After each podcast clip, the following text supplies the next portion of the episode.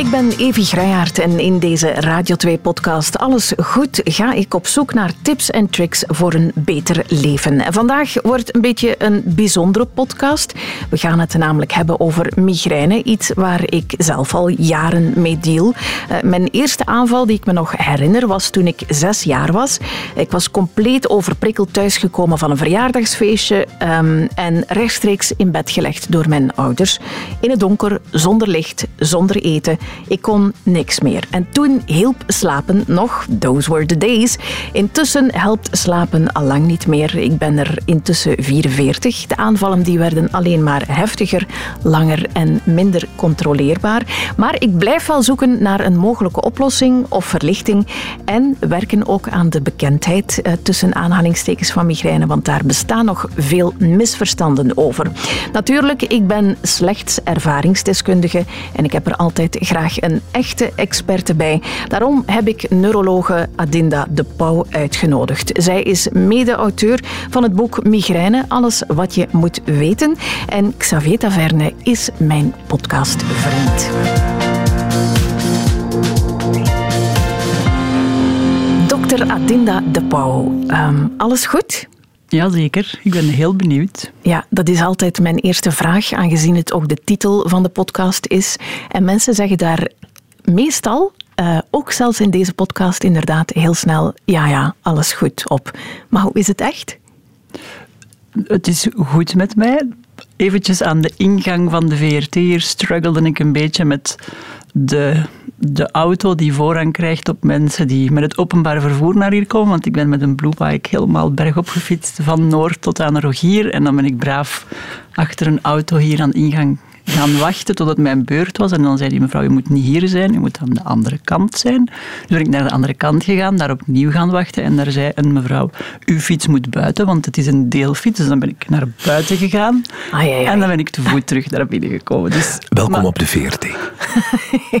maar dat is eigenlijk maar een klein issue. Ik vind het dan een beetje onnozel om dat erbij te sleuren. Maar het kan je dag wel goed naar de kloten helpen, vind ik, als die zo begint, toch? Dat is zo, hè. Maar goed, we gaan dat niet de toon laten zetten van wat we hier nu gaan doen. Um, maar voor de rest alles oké. Ja, ik heb geantwoord op Ja, maar zo heb ik het graag. Uh, Xavier, ik kijk naar mhm. jou. Alles goed?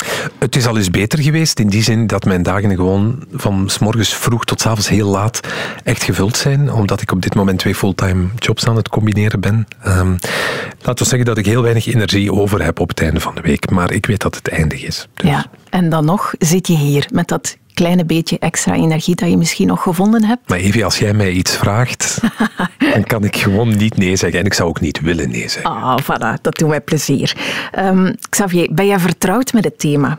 Wel, toen je de inleiding net deed van deze aflevering van de podcast, dacht ik...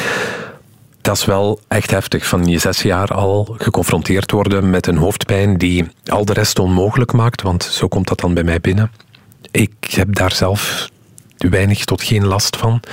Maar als ik al eens hoofdpijn heb, dan vind ik dat al heel vervelend. Laat staan dat het een vriend is die je nooit gewild hebt, die altijd met je meewandelt. Dus ja, ik, had, ik wou je even vastpakken zo bijna, dat ik dacht, lijkt mij wel heel heftig. Ja, dat, dat is het zo. Misschien uh, Adina, even beginnen bij het begin. Is er een uh, korte, duidelijke definitie te geven van migraine? En waar stopt gewone hoofdpijn en waar begint migraine? Dat zijn eigenlijk al twee vragen, besef ik. Maar goed. Migraine is, als ik het dan eenvoudig moet uitleggen, iets zoals een kater. Ik heb zelf ooit eens, ooit eens ene keer een kater gehad als ik met de jeugdbeweging weg was. Ik heb geen migraine, maar als ik mijn patiënten hoor en ik hoor ze vertellen, dan komt dat toch wel in de buurt. Zo de dag dat je te veel gedronken hebt, de ochtend dat je moet opstaan, je moet nog in de hitte wandelen, want je bent op twee dagen en je denkt, oh my god, al dat licht, dat geluid, ik ben misselijk, ik wil hier echt niet zijn vandaag. Ja, dat is eigenlijk wel hetgeen dat jullie hebben. Mm Migraine heeft impact op je leven op van die dag. Ik kan ook alle criteria opnoemen. Het is een hoofdpijn die 4 tot 72 uur moet duren, die minstens twee van de vier kenmerken moet hebben, van unilateraal kloppend, matig ernstig en toenemend bij bewegen. En die ofwel last geeft van licht of van geluid, ofwel misselijkheid geeft. En dan moeten minstens vijf van die aanvallen gehad hebben voordat je kunt spreken van de diagnose migraine. Uh en wat is het verschil dan met die gewone koppijn? De impact op het leven. Hè. Mensen met gewone hoofdpijn die, die gaan toch skiën die dag of die, die gaan toch iets doen en daarmee merken ze na een uurtje, tja, het is weg. Mhm. Mensen met migraine die gaan het omgekeerde doen, zoals jij zei. Die Ja. kruipen in hun bed. Ook al helpt het niet, maar er is geen andere oplossing. Hè. Nee. Ehm, welke verschillende soorten migraine zijn er? Voor ons als neuroloog is het dan migraine met of zonder aura. Dat is een belangrijk onderscheid. Waarbij dat je bij migraine met aura gaat er voorafgaand aan de hoofdpijnfase. Ongeveer van enkele minuten tot een uur is er iets dat begint in je visuele hersenschors. Er komen lichtflitsen. Meestal is dat een positief teken. Dus dat wil zeggen met kleurtjes of met kanteltjes of met, met felle verschijningen. Dat zit aan één kant van uw gezichtsveld, maar je kunt het wel met uw twee ogen zien. Dat neemt eigenlijk toe. Dat is heel verschillend bij alle mensen, maar dat neemt toe. Dat kan soms dan toch heel uw gezichtsveld wazig maken en dan neemt dat terug af. En dat is eigenlijk een golf die zich uitbreidt in de hersenen. Dus als die zich wat verder naar voren uitbreidt, dan komt de gevoelsdeel van de hersenen, dan komt het krachtdeel van de hersenen en dan komt, als je rechtshandig bent en het aura bevindt zich links, de spraak. Dus dat kan allemaal in dat uurtje mee uitvallen. En dan komt de hoofdpijnfase. En één op drie van de mensen met migraine heeft migraine met aura. Twee op drie van de mensen met migraine hebben migraine zonder aura. Dus één op de drie, als ik dat zo mag zeggen, die voelt het opkomen. Dat is juist. De acute fase, die, Die weten als die flitsjes komen, of die spiegeltjes, of die kanteltjes, dan moet ik nu stilvallen. dan moet ik toch zien dat ik weet waar mijn medicatie bevindt. Ik, ik hoor je, Adinda. En ehm, bij mij is het vooral, ik moet ontzettend beginnen geeuwen. Ik word ook heel erg moe.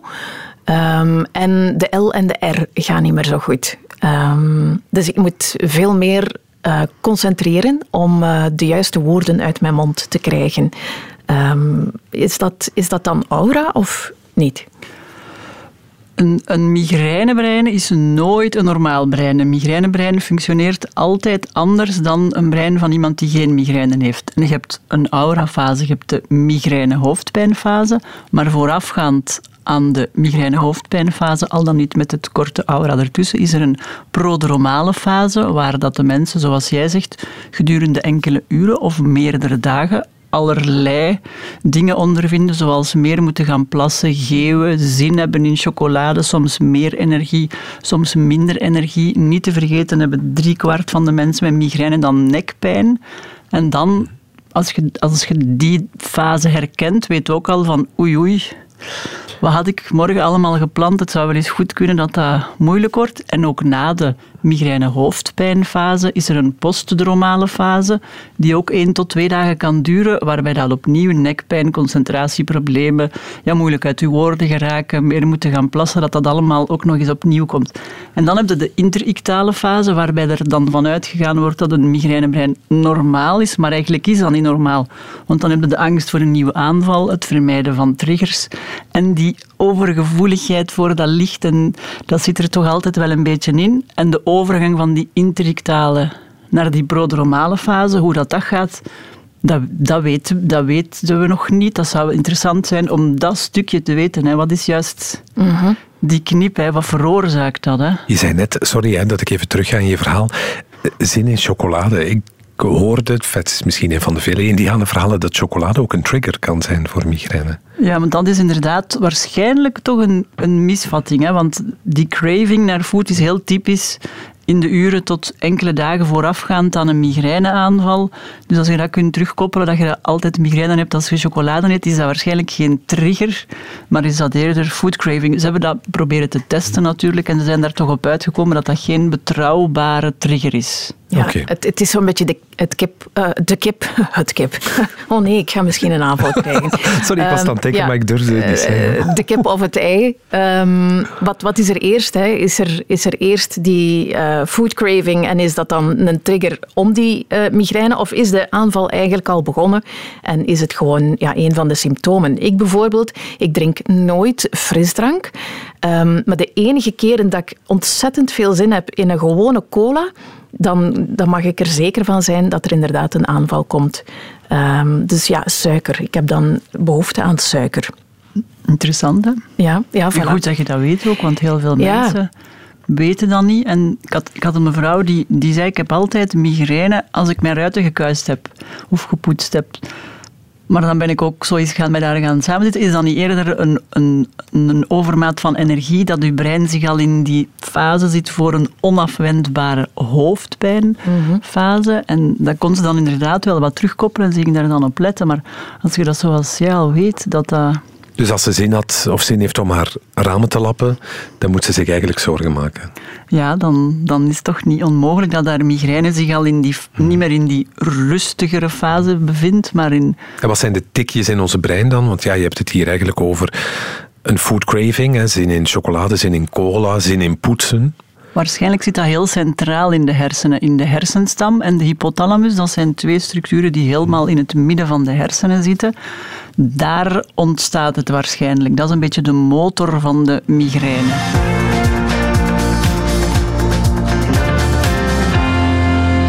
wel, maar Adinda, als ik, als ik even mag inpikken.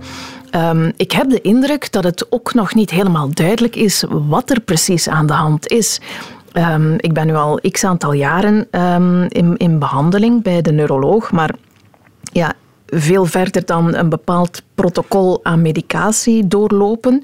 Vaak dan ook in eerste instantie medicatie die, die niet meteen voor migraine werd ontwikkeld. Anti-epileptica, eh, beta-blokkers. Um, het is zo wat trial and error. Ik heb dat onlangs ook aan, aan, de, aan mijn neuroloog dan gevraagd. Van, en hij gaf dat toe. We weten het eigenlijk niet echt. En het is inderdaad proberen en zien Sorry, neem jij beta-blokkers voor je migraine? Dat is toch iets voor je hart? Ja, ja. Uh, maar ja, ook anti-epileptica worden toch voorgeschreven. Uh, dus er, ja, als, als patiënt voel je je vaak ook wel eenzaam en alleen. En heb je zo soms het gevoel van, ja, ik ben hier als een soort proefkonijn allerlei randmedicatie aan het nemen die ook toch een impact heeft op mijn gezondheid, op mijn lijf, zonder ja, een, een, een zekerheid, zeg maar.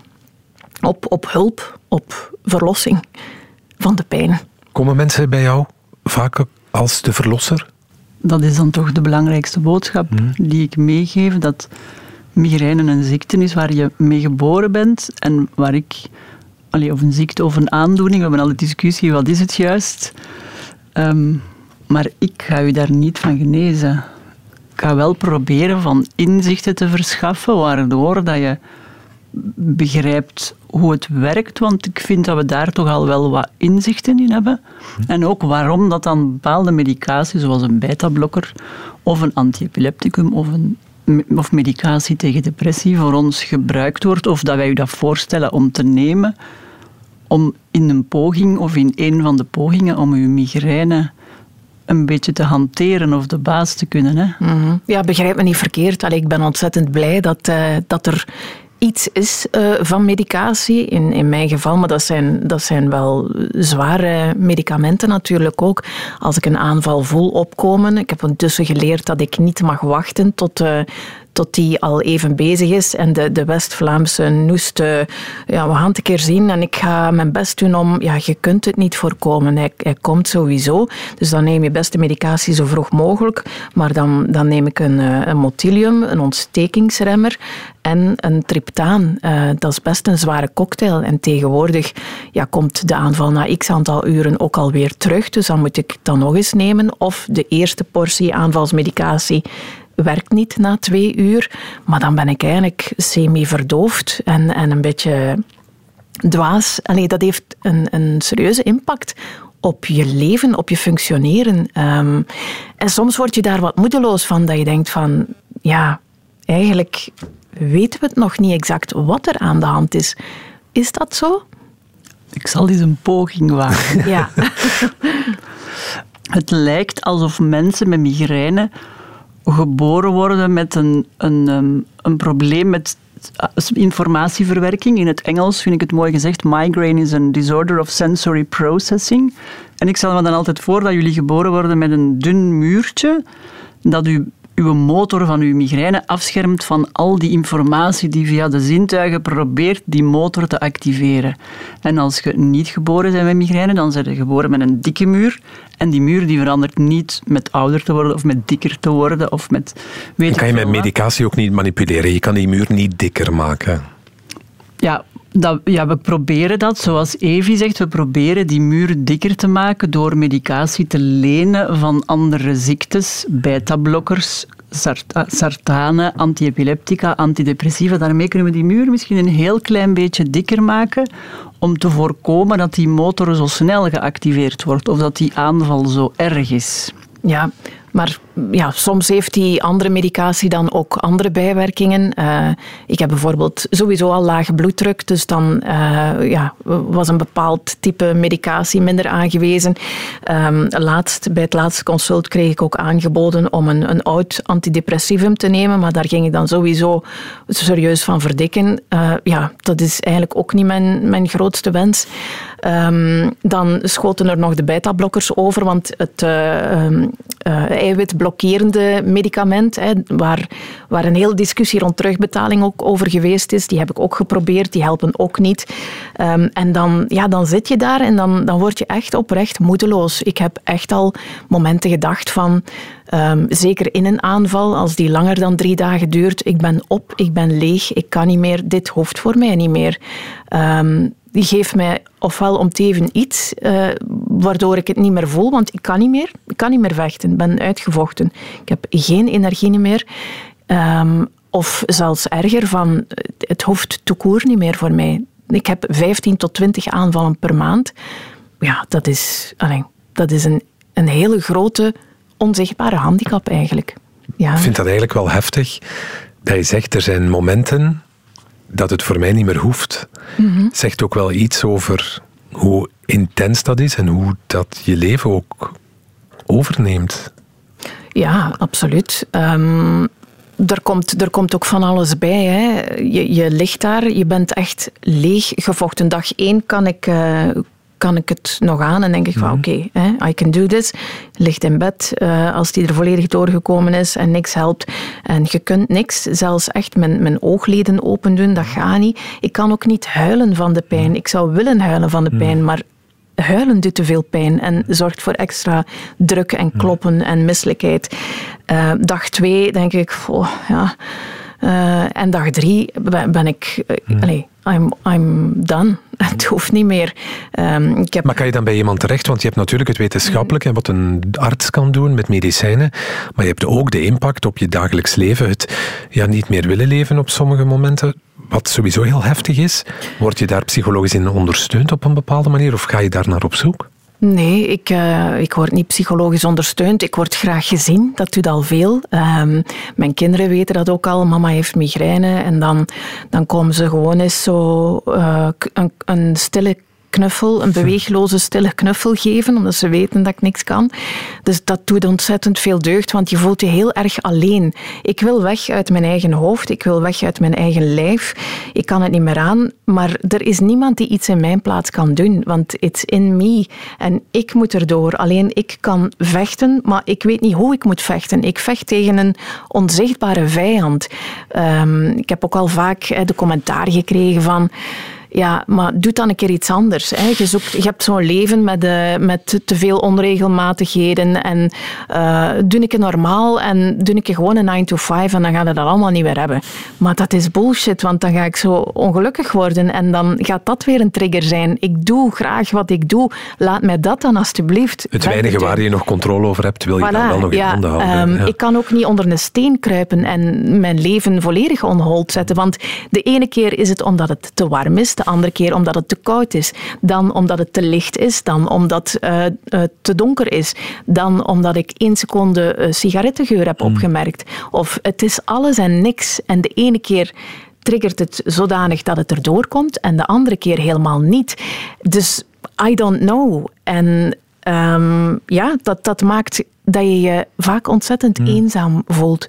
En schuldig ook dan nog eens. Er heerst ook nog een groot taboe rond migraine, want Ja, ik zeg altijd tegen iemand die diabetes heeft, zeg je ook niet van kom aan hè, loser, maak een keer wat meer uh, insuline aan, uh, doe een keer meer je best. En het, het leek vaak zo alsof ik mij aanstelde. Moeten jullie dat vaak ook nog uitleggen in het ziekenhuis aan mensen met migraine, dat het geen aanstellers zijn? Ja, voel je vooral niet schuldig. Hè? is toch wel... Uh... Ja. Wordt het beter, migraine, naarmate je ouder wordt, of is dat nu naïef? Ik heb al vaak gedacht, ik, kijk, ik ben de enige vrouw die enorm uitkijkt naar haar menopauze. Maar ook dat is geen garantie. Nee, het is geen garantie. Het gaat bij, bij mensen met migraine zonder aura, of nee, bij vrouwen dan eigenlijk met migraine zonder aura, zien we dat dat meestal um, wel vermindert. En ook bij mensen die vooral migraine hebben bij de menstruaties, zien we dat dat vermindert na de menopauze. Maar als je veel migraine tussendoor hebt, dan kunnen we daar toch geen garantie over geven. Hè. Nu, de prevalentie, het voorkomen van migraine rond de leeftijd van 30 jaar zit bij vrouwen rond 35 en rond de leeftijd van 60 jaar zit het rond de 5, 6 procent. Dus het zal zeker verminderen. Hè. Laat ons daarvan uitgaan. Oké, okay. allee. Sorry, ik stak mijn duimpje in de lucht met een beetje een ongemakkelijk gezicht, omdat ik toch hoop dat het voor jou allemaal ooit wel eens wat minder intens Voor mij, want je kan denken van, amai, die permitteert zich nogal wat, de volledige podcast rond haar aandoening. Maar uh, in het voorgesprek dat we hadden, Adinda, had ik het jou ook gezegd, ik doe dit niet voor, voor mij, um, een, een piepklein stukje misschien, hè, maar vooral om de bekendheid rond migraine en het taboe rond migraine en uh, een beetje begrip misschien rond migraine, want er zijn zoveel mensen die ik ken die, die het hebben en die zich schuldig voelen, die het niet, nog steeds niet durven zeggen um, aan uh, hun werkgever bijvoorbeeld, um, die, die ook op veel onbegrip botsen. Uh, het wordt ook vaak um, verkeerd gebruikt. Hè. Mensen die dan een kater of wat koppijn hebben en die zeggen, ja, doe ik er wat meer je best en zijn ik er wat flinker, wat sterker, neem gewoon een gaan en doe voort. Allee, dat doe ik ook.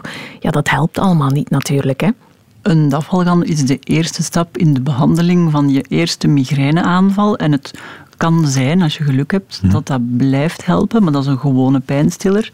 En als dat niet helpt, dan ga je naar stap 2, naar ontstekingsremmers. En als het dan niet helpt, dan is een triptaan natuurlijk efficiënter, omdat die die CGRP-vrijzetting blokkeert. Maar om terug te komen, dat vind ik echt wel inderdaad heel belangrijk, dat migraine toch onderbegrepen is ja, dat, dat, dat vinden wij ook. Hè. Vandaar dat wij inderdaad dat boek hebben geschreven. We zijn aan een tweede boek bezig, maar tot daar aan toe.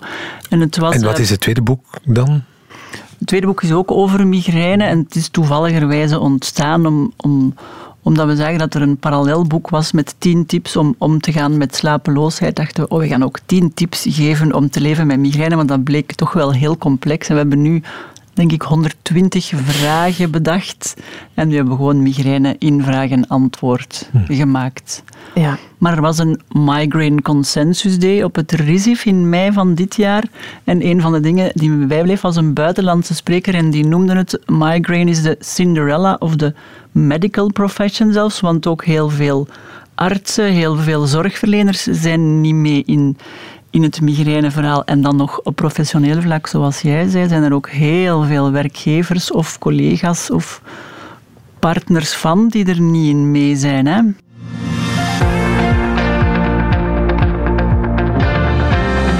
Zelf, als ik, als ik mijn parcours bekijk, ik ben gestart bij de huisdokter.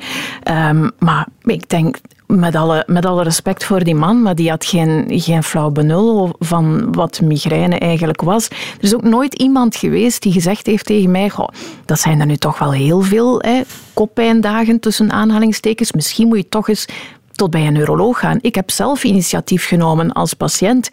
En, en dat klopt toch eigenlijk niet. Als patiënt moet je heel veel zelf doen. Ik heb nu ook zelf um, de stap genomen om te informeren of ik in aanmerking kwam voor die nieuwe studie rond het, um, het uh, stimuleren van het zenuwstelsel met die implantaten, die operatie. Um, maar eigenlijk dat is ook een stuk van die eenzaamheid als patiënt en dat alleen voelen van ja, ik ben hier niet de expert en help. Gewoon, someone, help. Ehm, maar dus ik blijf zoeken. Ik, ik, ben, ik wil zeker niet het slachtoffer uithangen. Integendeel. Um, maar wordt er volgens u ook voldoende onder elkaar gesproken met... Ik ben bijvoorbeeld nooit vanuit neurologie getest geweest op bepaalde zaken. Ook de samenhang tussen lichaam en geest. Um, het, het, lichaam en de geest wordt, zouden toch eigenlijk als één moeten worden beschouwd. En, en misschien via verschillende disciplines binnen een ziekenhuis of binnen een praktijk is bekeken worden. Maar het, het beperkt zich nog heel vaak tot dit is neurologie. En hier begint het en hier stopt het ook. Um, doen jullie dat anders of, of proberen jullie dat anders aan te pakken? Misschien moeten we de podcast naar de overheid sturen. Wij zouden wel graag multidisciplinaire hoofdpijnklinieken oprichten. Hè. We gaan dan eens kijken in Denemarken en daar is er een kinesist en een psycholoog en een voedingsdeskundige. Maar ja, als een neuroloog hebben wij daar geen budget voor en dan zouden wij zelf die kinesisten moeten betalen of aan jullie vragen voor dat te betalen. Er is geen, er is geen terugbetaling voor, dus dat is inderdaad wel iets jammer. zou leuk zijn. Maar die holistische aanpak zou, los van migraine, in onze geneeskunde wel wat vaker kunnen toegepast worden. Toch? Absoluut. Want het, ook als je bijvoorbeeld kanker hebt, dan moet je ook holistischer gaan kijken, toch? Gaat het niet alleen over de oncoloog, maar ook over zoveel meer. Hè? Is, is dat wel iets waar we de kanteling gaan inzetten, ooit? Ja, maar dan loopt in België, maar dat is natuurlijk de overheid en de mhm. verschillende stapjes en de structuur van België. Want ik denk dat ze in de kankerbehandeling hebben ze wel al wat multidisciplinaire stappen ja, kunnen daar zetten. wordt inderdaad een mokoverleg, heet dat dan inderdaad. Ja. ja.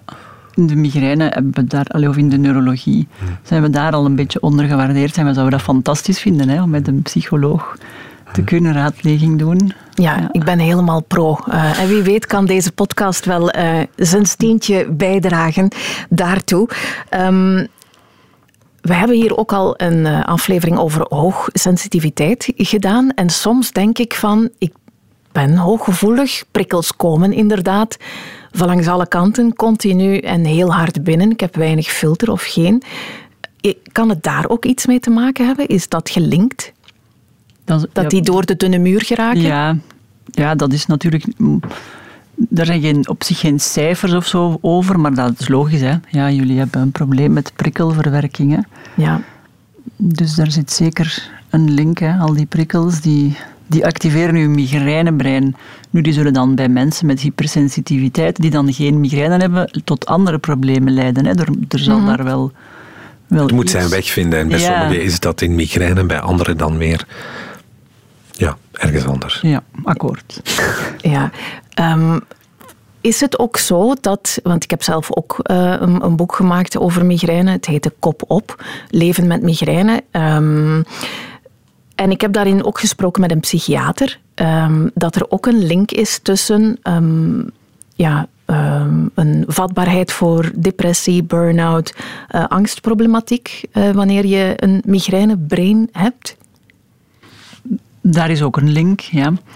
Ten eerste, het vermijdingsgedrag leidt tot, kan tot angst leiden. En de angst voor een nieuwe aanval geeft angst. Maar sowieso zien we dat als je gewoon naar de cijfers kijkt, dat mensen met migraine iets iets, allez, als we kijken naar de mensen die, een depressie doormaken, zijn daar meer migraineleiders bij. En omgekeerd, als je kijkt naar de migraine mensen, zijn daar iets, komen daar iets meer depressies voor. Heb ik het nu juist gezegd of heb ik het nu verkeerd gezegd? Ja? Dus dat in de beide groepen voorkomt. Hè. Mensen met een depressie blijken, als je terugkijkt, komt migraine, blijkt migraine iets meer voor te komen. En bij mensen met migraine blijkt depressie iets meer voor te komen. Dat is natuurlijk niet zwart-wit, of het is niet omdat je migraine hebt, dat je een hoger risico hebt of dat je depressief gaat worden. Maar allee, er is wel ergens een connectie. Je maar moet veel mentale veerkracht hebben ja. als je migraine ja, hebt, denk ik. En veel ondersteuning ook. Hè? Ja, ja, ja, want ik, ik moet zeggen, ik heb in het verleden... Um, de relatie waar ik nu in zit is niet mijn eerste relatie. Hè. En daar was in, in vorige relaties ook vaak weinig begrip voor. Uh, precies of ik stelde me aan. En dat, ja, dat, dat is wel heel erg eenzaam dan hoor. Um, als je met die immense pijn, die verlammende pijn zit en dan nog ja, als, als aansteller wordt versleten, zeg maar. Um, Ja. En daarom is het zo mooi dat dat mechanisme steeds maar beter gekend wordt. Hè. Dat je weet dat trigeminovasculair systeem, dat schakelt naar die nekstukjes, maar dat schakelt ook naar de hersenstam, naar de thalamus en dat schakelt dan naar de hersenschors. En al die, die, die misselijkheid, die last van licht, die typfout, mm dat kun je daar allemaal op zien. Er is, dus er is eigenlijk niemand een aansteller. Hè. Dat is wel... Ja. Jammer dat dat dan zo geïnterpreteerd wordt. Ik denk trouwens dat jullie een ongelooflijk hoge pijndrempel hebben. Hè. Veel hoger dan iemand die dan zegt, ik heb ook wel eens kopijn. Mm En dan neem ik een dafalgan. Oké, okay, ik ga Vind ik een goede titel voor de podcast. Ja, Gewoon om het begrip wat te vergroten. ja, ik ga deze quote uh, in het groot uitprinten, Adinda.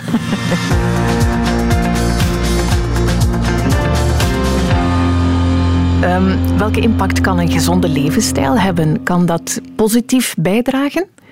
Het kan absoluut positief bijdragen. Ik heb het van iemand van, van mijn patiënten gehoord en zo probeer ik het een beetje terug te koppelen om dat zo mee te geven. Als je zou kunnen leven. Ze zei, die mevrouw zei, als ik leef volgens een topsportstatuut, en dat wil niet zeggen dat je moet gaan topsporten, maar die hele omkadering, dan kan ik het een klein beetje hanteren, zei ze. Dus, maar ja, dat wil dan zeggen een psycholoog om om te gaan met stress. Een, iemand die zegt wat je mocht eten. Niet laat gaan slapen, geen champagne drinken, op tijd opstaan. Zien dat je goed slaapt, een slaapcoach.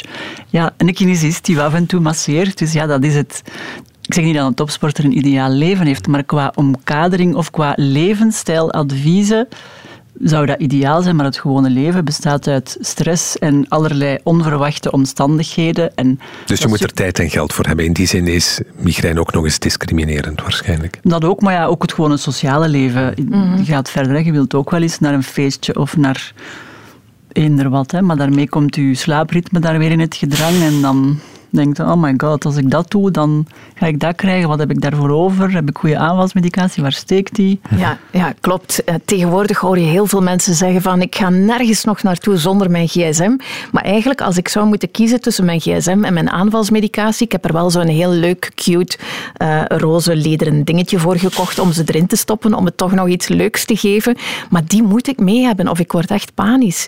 Ik, ik wil en ik durf nergens meer gaan zonder. En dan zou ik met plezier mijn gsm achterlaten, maar die moeten mee, want you never know. Dat is het ook een beetje. Het is zo, ja, ik noem het altijd mijn zwarte poedel die naast mij loopt. En soms trekt hij mij voort en soms loopt hij braaf achter mij, maar we weten het niet. En eh, ik ben er al jaren mee naar de hondenschool aan het proberen gaan, maar hij luistert niet. Ja. Het, het, was een, het was een verstandige uitspraak tot aan de poedel. Want wij hebben een poedel en dat is de allerliefste hond van de wereld. Is maar, hij is, maar, hij is, niet zwart. Ah ja, voilà, kijk. Dat zal het dan misschien zijn. En nee, voor ik hier alle zwarte poedelliefhebbers op mijn dak krijg... Uh, het is niet maar... mailen. Het was een metafoor, mensen. Metafoor. Voilà. Maar wel dat is, een, dat is de, de verstandigste uitspraak ook. Hè. Ja. Je weet waar je medicatie ligt als je op reis gaat of weet ik veel zie dat je ze in de auto hebt op je werk. In je ook omdat het mentale rust geeft, neem ik aan. Hè? Ja, dat ook. Maar ook omdat zorg minder. Ja, omdat je weet, als je goede aanvalsbehandeling hebt, die werkt, en je kunt die zo snel mogelijk nemen, kun je misschien toch nog wel die vakantiedag of die weekenddag, waarbij dat je... De dag doorkomen. Ja, kun je die redden. Ja. Um, ik ben zelf ook, ik denk, uh, zo goed als alle mogelijke alternatieve pistes gaan ontdekken. Alhoewel, er zijn er zeker nog die ik niet heb. Uh, ik heb mijn kraakbeen in mijn oren laten doorboren voor zo'n teeth piercing. Uh, heel pijnlijk trouwens. minder pijnlijk was voetreflexologie, acupunctuur, acupressuur, fasciatherapie, craniosacrale therapie, voedingssupplementen, een dieet. Um, maar ja, zit daar ergens nog een, een holy grail um, die ik niet ontdekt heb? Of die je kan aanraden? Alles wat helpt bij stressmanagement gaat helpen, dus dat is individueel, denk ik. Mhm. Alles wat via een of andere manier dat trigeminowasculair systeem, dat hier overal verankerd is, probeert te beïnvloeden, kan tijdens een aanval helpen, maar zo kan even voor sommige mensen een ijspak ook helpen. Dus een holy grail niet. Het is ook heel persoonlijk, neem ik aan. Hè? Het is niet omdat het voor Evi zou werken dat het dan voor iemand anders werkt. Dat maakt het moeilijk. Je weet er al veel van, zo, met even hier Maar ik probeer mij in te leven in de situatie en gewoon... Evie is een zeer verstandige vrouw die ook heel goed met twee voeten in de wereld staat, die emotioneel zeer ontwikkeld is. Dus ik kan mij niet voorstellen dat je dat 38 jaar ondergaat zonder dat je alles zou geprobeerd hebben. En uit deductie ga ik er dan maar vanuit dat als de gouden tip zou bestaan, dat je die uh, al waarschijnlijk... Uh, Ja, had toegepast, gekocht, weet ik veel wat ingenomen. Ja, uh, mocht iemand die hebben, uh, alles goed, at vrt.be, één adres. Red Evi ja. en al de rest. En alle anderen, hè. Ja, um, is er nog iets wat je graag zou willen meegeven, Adinda? Aan alle ja, migraine-leiders, al of niet met gestipte ei? Ja, voor jou in elk geval toch wel hoop op een uh, oplossing. Hè? Mm -hmm. En voor iedereen voel je niet schuldig met ja. migraine word je geboren en het is een manier vinden van in het leven staan en begrijp, probeer te begrijpen wat er aan de hand is. Dat helpt hoop ik toch voor heel veel migraineleiders. En weet dat je een hoge pijngrens hebt. Halleluja, er is iets goeds aan. Ik probeer maar. Elk nadeel heeft zijn voordeel, zoiets. Hmm. Ja. ja, ik had toch misschien liever een iets lagere pijngrens gehad. Kan ik mij inbeelden, ja. Ja, um, misschien nog één dingetje, hè, want als ik kijk naar mijn eigen familie, uh, zit, zit, het wel in, in de familie, zeg maar. Uh, mijn mama die had het in veel mindere mate, maar toch, haar vader, zijn moeder is het iets wat doorgegeven wordt? Absoluut. En ik vond toen je begon met dat verhaaltje, ik kwam terug van een verjaardagsfeestje en mijn ouders hebben mij in bed gestopt. Dat is toch omdat ze dat kennen. Want anders zouden ze in paniek naar de spoedgevallen rijden. Maar ze hebben nu in bed gestopt en de ramen toegedaan en ja. het geluid gefilterd. Um, ja, het, je hebt een aantal triggers die migraine opwekken en je hebt je hormonen die fluctueren, alleen toch bij de vrouwen en dan heb je je stress en je slaap en wat is het allemaal. Maar de helft van het, ongeveer de helft van het risico of dat je nu migraine krijgt, wordt wel een beetje doorgegeven. En dat is geen 1 op 2 overdracht. Er zijn 181 plaatsjes in ons erfelijk materiaal al beschreven. Dus ja, als je er daar eentje of bij wijze van spreken 40 van hebt gekregen, dan heb je waarschijnlijk een meer ernstige vorm of een hoger risico. En ik denk dat de kinderartsen, dat dat ook is een vraag die ze verplicht stellen als er iemand komt met hoofdpijn die lijkt op migraine, zit dat in uw familie? Allee, ik vraag dat trouwens ook altijd. Mhm. Ehm, misschien ook nog heel even kort, want daar bestaan ook zo nog wel wat uh, foute dingen over, denk ik. Um, als, als het alleen maar bij vrouwen zou voorkomen, maar dat is niet zo, hè? Nee, en dat is in de twee richtingen stigmatiserend misschien. Hè. Er hebben meer vrouwen migraine met het hormonale spel, absoluut. Maar er hebben absoluut ook heel veel mannen migraine. En die, zijn in, die zullen het inderdaad misschien nog wat meer proberen weg te steken. Hè. Dus ja, absoluut. Ja, want dat is niet stoer om te zeggen natuurlijk. Hè. Er komen er toch wel veel op raadpleging. Dat vind ik gewoon qua populatie komen er ook veel. Maar bij een dokter durf je misschien kwetsbaar zijn. Mm want inderdaad, dan s'avonds zeggen, ik ga geen pintje drinken of ik ga deze tournee overslaan, want anders heb ik morgen Nee, dan zeg ik, dan drink ik er zeven. Morgen maar kop in. Dat is een beetje de mm coping, denk ik. Alhoewel, ik ben nu te veel mannen op één hoop aan het leggen. Ja, zoiets krijg jij ook vlammende mails. Ik heb die mailbox niet, dus prima. Stuur ze ook niet door. niet van zwarte poedel-eigenaars, maar van... Ook niet van allemaal, alsjeblieft. Nee, nee, nee. nee, nee. Um, goed, ik denk dat we uh, rond zijn we nooit helemaal, maar dat we het hierop kunnen houden. Ik onthoud um, hoge pijngrens en er is hoop, altijd. Dat is waar. Dat is een mooie boodschap om mee te geven. Voilà. Um, mag ik jullie van harte bedanken. Uh, Adinda de Pauw en uh, Xavier, jij ook bedankt om er weer bij te zijn. Hopelijk geen koppijn van gekregen. Nee, wat ik wel nog wil zeggen, want we hebben het hier wel op een gegeven moment over heel zwaarmoedige um, verhalen gehad. Dat... Uh, er altijd iemand is die wil luisteren op 1813. Misschien moeten we dat er toch even aan toevoegen, want uh, als je echt soms een beetje de weg kwijt bent en je zei zelf, het is eenzaam, en dat er uh, zeker hulplijnen zijn waar je met je verhalen terecht kan. Als het niet bij je huisarts is, ga dat vooral wel doen als je met iets zit. Ga naar je huisarts, daar kan je doorverwezen worden. En als je die drempel te hoog vindt, dan zijn er altijd... teleonthaal bijvoorbeeld, dat we luisteren over de zelfmoordlijn als je met hele donkere gedachten zou zitten. Dus ga dat zeker doen. Je bent nooit alleen, ook al voelt het soms zo. Voilà, uh, that's why I love you. um, voilà, is alles goed op het einde van deze aflevering? Bunny, tuurlijk niet. Maar wie weet toch weer een mini beetje beter. Dankjewel.